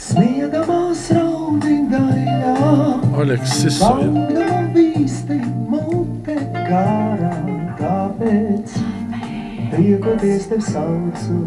Kas ir atmiņā no šīs, šī darba? Tas bija baigi interesanti. Es atceros, labi. Ja? Visam plikām kājām, kā mēs piebarodājām visu to foršu. Tas arī bija tāds akrobātisks pasākums diezgan. Kur notika filmēšana?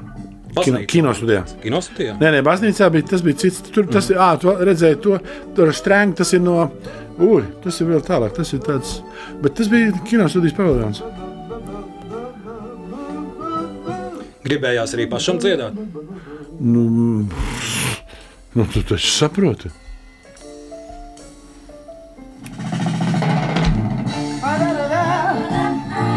Tā.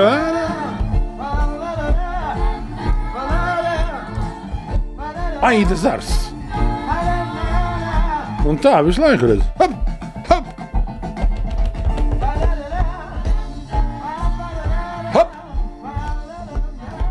jau arī skatos, fizisku spēku vajadzēja, lai maija ķirsi tur No tāpat 76. gada gaisa lidināja. mums paģērēja.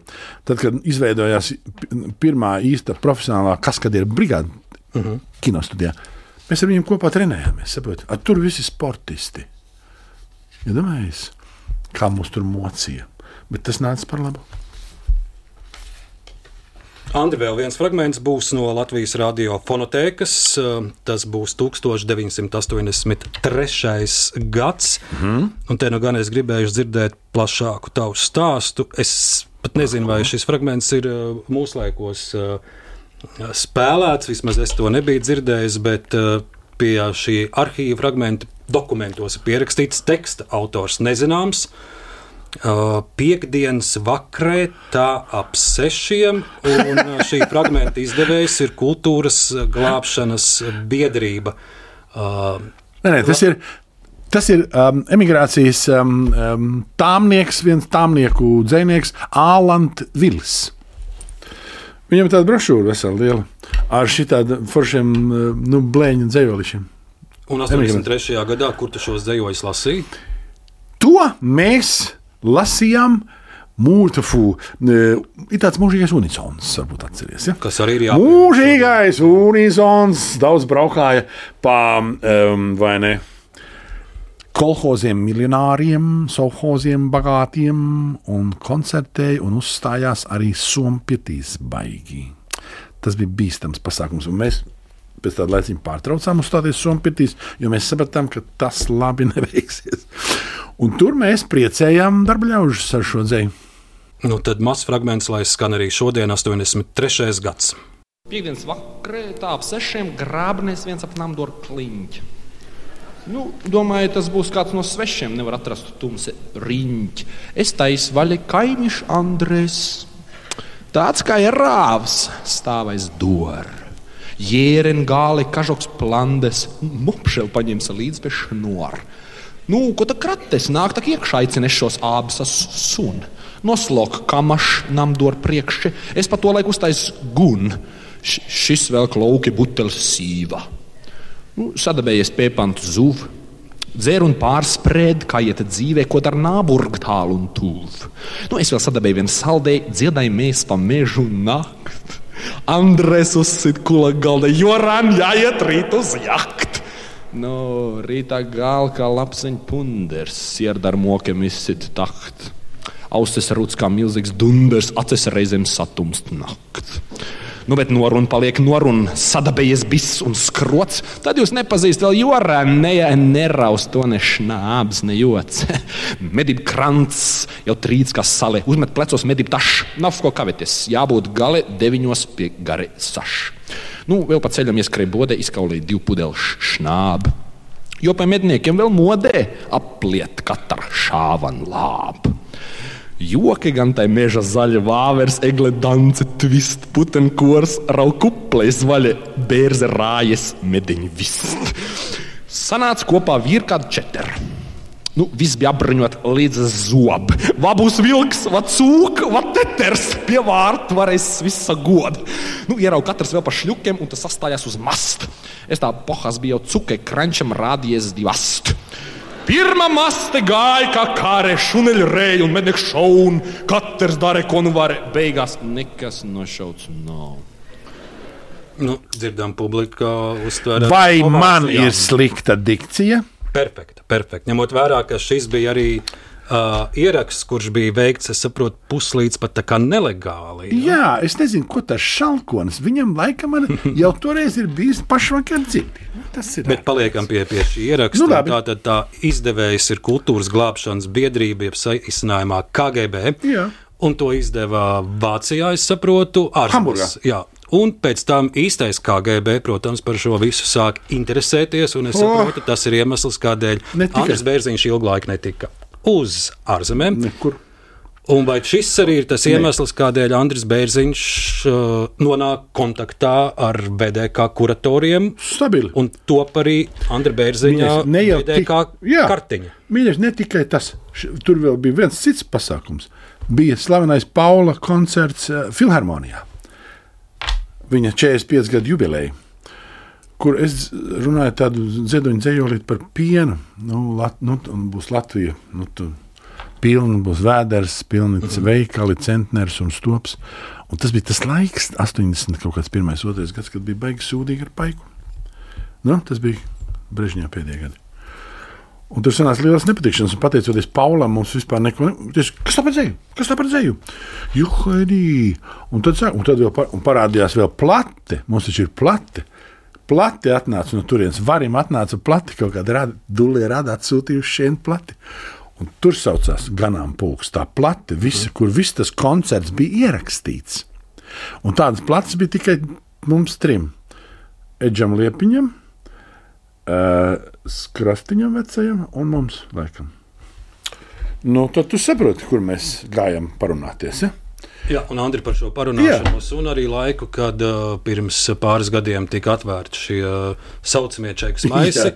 Uh, tas mans uh, novērtējums ir, ka atšķirībā no daudziem citiem arī radošajiem cilvēkiem, uh, tu brīvi stāstīji, kā kas notika atšķirībā no citiem, kuri mēģināja piņķerēties, Nē, un ka viņi neko Arni. nezināja. Es novērtēju, ka tu, uh, es nezinu, cik patiesi, bet man tas stāsts izklausījās ticams, ka tu nenoliedzi, ka tāda lieta bija.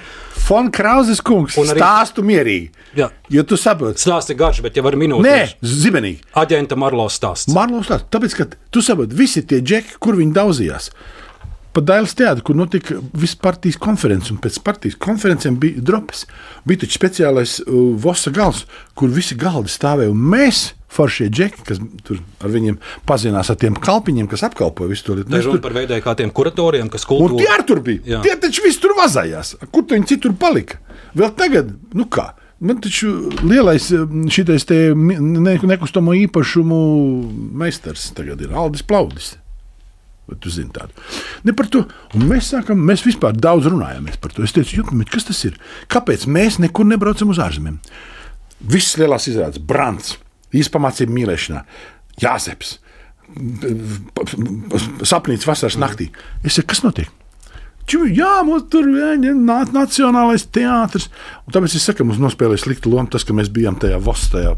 Visi tie ārzemnieki, tas, nu, tie ir aizdomīgi. ja Tur. Es teicu, Juhaidī, kas tur? Es jums varu visu izstāstīt. Es saku, es varu būt jūsu ausis un acis. Jūs gribat mani? Jā, jūs gribat mani. Es saku, es izstāstīšu daudz labāk nekā tie, ko jūs te vervējat un mocaties. Ja?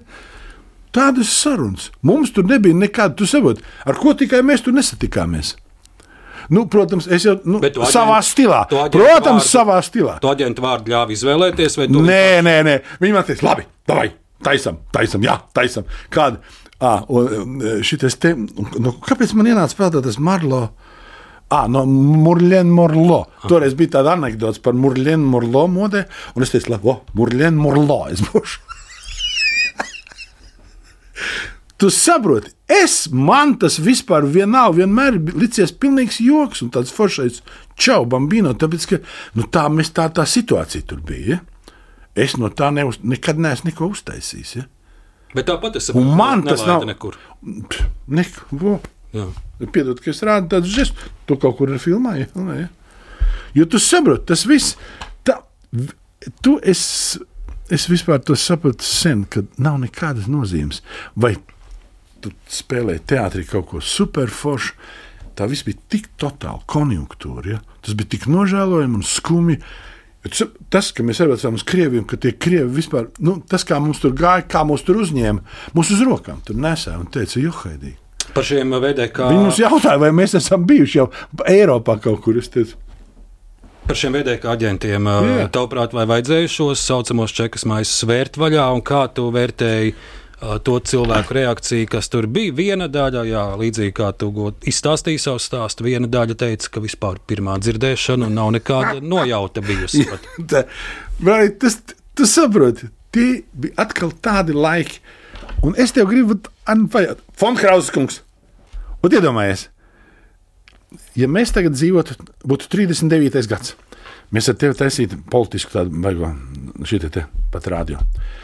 39. gads, tad būtu 40. gads, un tad būtu 42. Par vienu un to pašu tēmu. Tu vari iedomāties, cik tās intervijas būtu dažādas mums. Kā tu man uzdod kādus jautājumus, un ko es te muldētu tev pretī? Bet tos maisus vajadzēja taisīt vaļā. Es domāju, ka vajadzēja. Jo tu saproti, viss tas, tas, kas karājās gaisā, un, vispār, es, un, man, un man prasīja, baigi, un tad vai, ka man, man, man nokaitināja viens baigais atkal tautietis, kurš bija tik pareizs, ka man gribējās aiziet uz mazmaiņu. Es teicu, zini, kāpēc? Zini, kāpēc es tur, es, pirmkārt, es teicu, man gribējās ar mūsu teātri, kurš bija nopelnījis, ja? uh -huh. vienīgais teātris uz to brīdi, 7, 8 gadu mijā, kurš bija nopelnījis aizbraukt uz ārzemēm ar šo fantastisko teātru. Tas bija, tā bija bumba, kā saka mans mīļš. Tā bija bumba. Es teicu, bet, nu, ziniet, ne jau par to ir runa. Man šausmīgi patīk vārds kolaboracionists. Iztūko? Nu, tāds, kurš, kā teikt, slīd pa vējam, kā, kā vajag. Tas, kas sadarbojas ar visām, visām varām, bija baigta labā filma ar, eh, ar francūzi. kā Es es esmu francūzi, franču. Aktieri, tas, kas spēlē vīrieti un sievieti. Un tas pats aktieris spēlē. Bija tāda filma, ko mums rādīja savulaik uh, Valija Fremana. Kurš kolaboracionists. Un man, šo, es, man grūti šo vārdu no sākuma izrunāt, bet, tad, kad es viņu iemācījos, tad man viņš iepatikās. Es teicu, es arī būšu kolaboracionists. Nu, man. laikos, uh, Fon Krauzes kungs, un iepūtiet mani. Mēs, demokrātiskās valsts, brīvi pilsoņi, darām, kā gribam. Tagad man būs strauji jāmaina. Nē, nē, nē, man būs strauji jāmaina temats, jo. Ne, nu? uh, Laiks iet uz galu. Nē, jo ir viena paudze, kurā. Andra Bērziņa nepazīst ne no Šekspīra, ne no Gunāra Priedes lugām. Viņa pazīst Laiks Bērziņu kā Jagudinu. Un tas, protams, ir jā, pateicoties seriālam Ugunsgrēks, kuram arī Arī. ir gara televīzijas pieredze. Garš Un, un ar daudziem kolēģiem kopā ir strādāts. Es domāju, ka, ka, ka, jaunie cilvēki viņiem, viņiem ir viens tās pirmās, varbūt arī, uh, kas atspriekšā ir saistībā ar Antu Bērziņu, ir, ir, ir šis seriāls. Piedod, nāk garām bērnu pie, pie veikala, ja? kaut kāda nu, pilnīgi gurķi, pērkšķis, kaut kādas čipsas. Un rāda pirkstu. Jā, jā, un pieskrien klāt un saka, vai mēs varam nofočēties. Ja es zinu, mēs izdarījām, ja gūdīts. Nu, tad palūkosimies uz Jagūdiju. Iedomājies? televīzijas seriāls Ugunsgrēks. Nav viegla tā slavas nasta. Fon Krauzes kungs nav viegli. Привет. Привет. Я тут. Nu, nu, nu, nu, nu, nu, nu. Visas manas meitenes ir klāt. Nu, nu, stāsti, kur tu, tu viņus dabūji? Man kazino pilns. Un visas gatavas pakalpot Felsenbachu ģimenei. Nē, nē, nē, jāgudri. Ah, pareizi, pareizi. Viņas gatavi darīt visu, ko vajag. Nu, man arī ir dažas kandidātas. Jā, no kurienes? No jūsu firmas?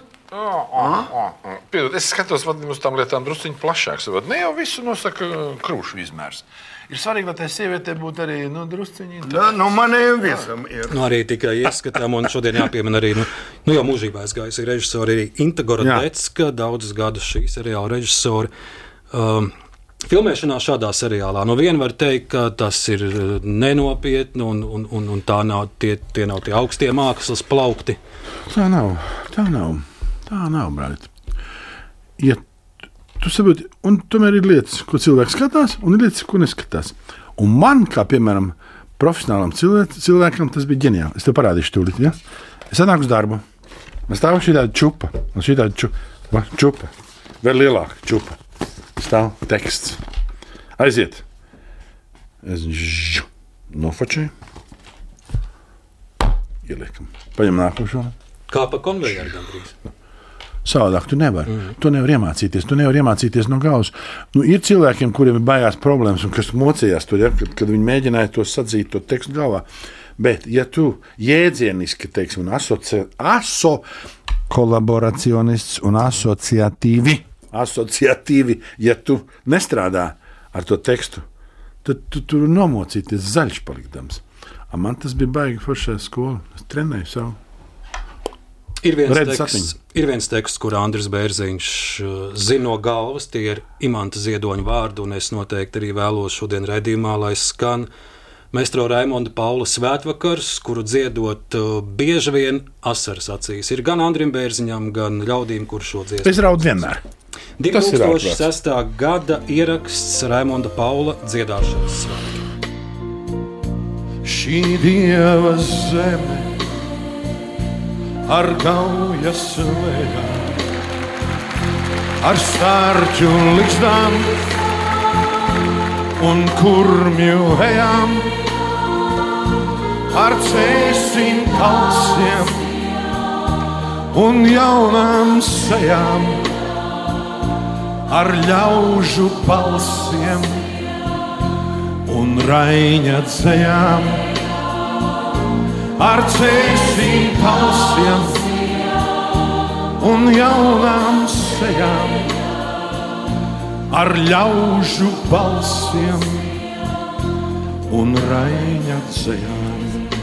Un arī šī reize Par verga algu. svētvakaru Bērziņam. Acīs ir asaras šī Šausmu, šausmu, šausmu. uh, Es nezinu, kas tas ir. dziesmām. E, e, Nu, tu saproti, tas ir. Mums ar šo dziesmu kaut kāda tāda dīvaina, jā, man ir tādas dīvainas attiecības ar viņu. Mēs pirmo reizi viņu dziedājām 90, puh, 2003. gada Imants Ziedoņa ast- 70 gadu jubilejā. Bija speciāls 15, nu, 15 koncertu dēlē.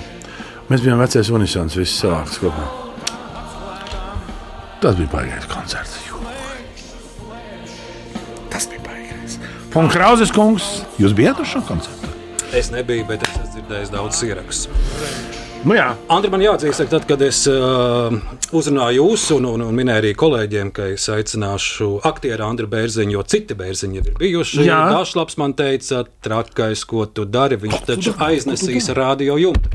Tad no es Nav tik klausītājiem gribu teikt, ka Latvijas radio jumts ir vietā. Un, un Andri, man tev jāsaka liels paldies par, par šo vairāk nekā stundu un šiem daudzajiem stāstiem. Un, Un tikai, protams, ļoti dažas šīs bija epizodes, gan kino, gan teātrī, gan radio, kur mēs varējām paraudzīties, ko tad Andris Nu Bērziņš darījis arī pirms gadiem 20, Vai un dieviņ, vai dieviņ, 30 vai un dieviņ. 40.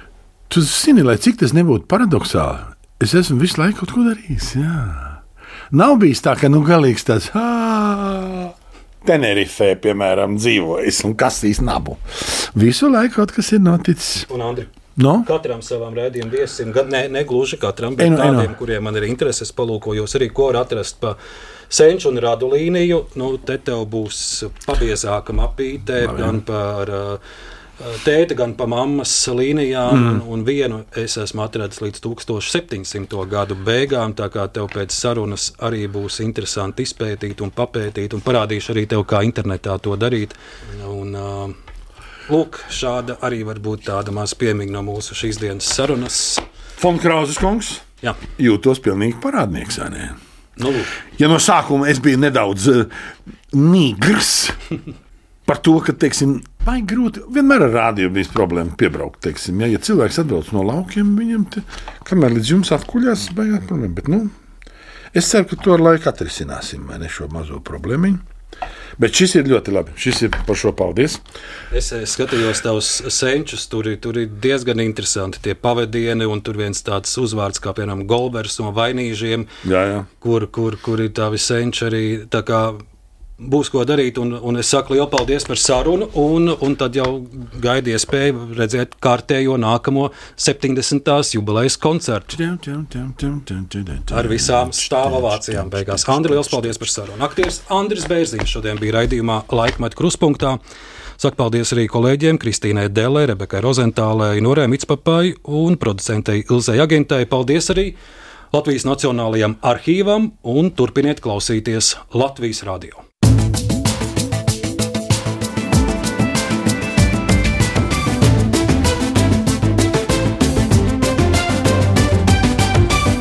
Laikmeta krustpunktā.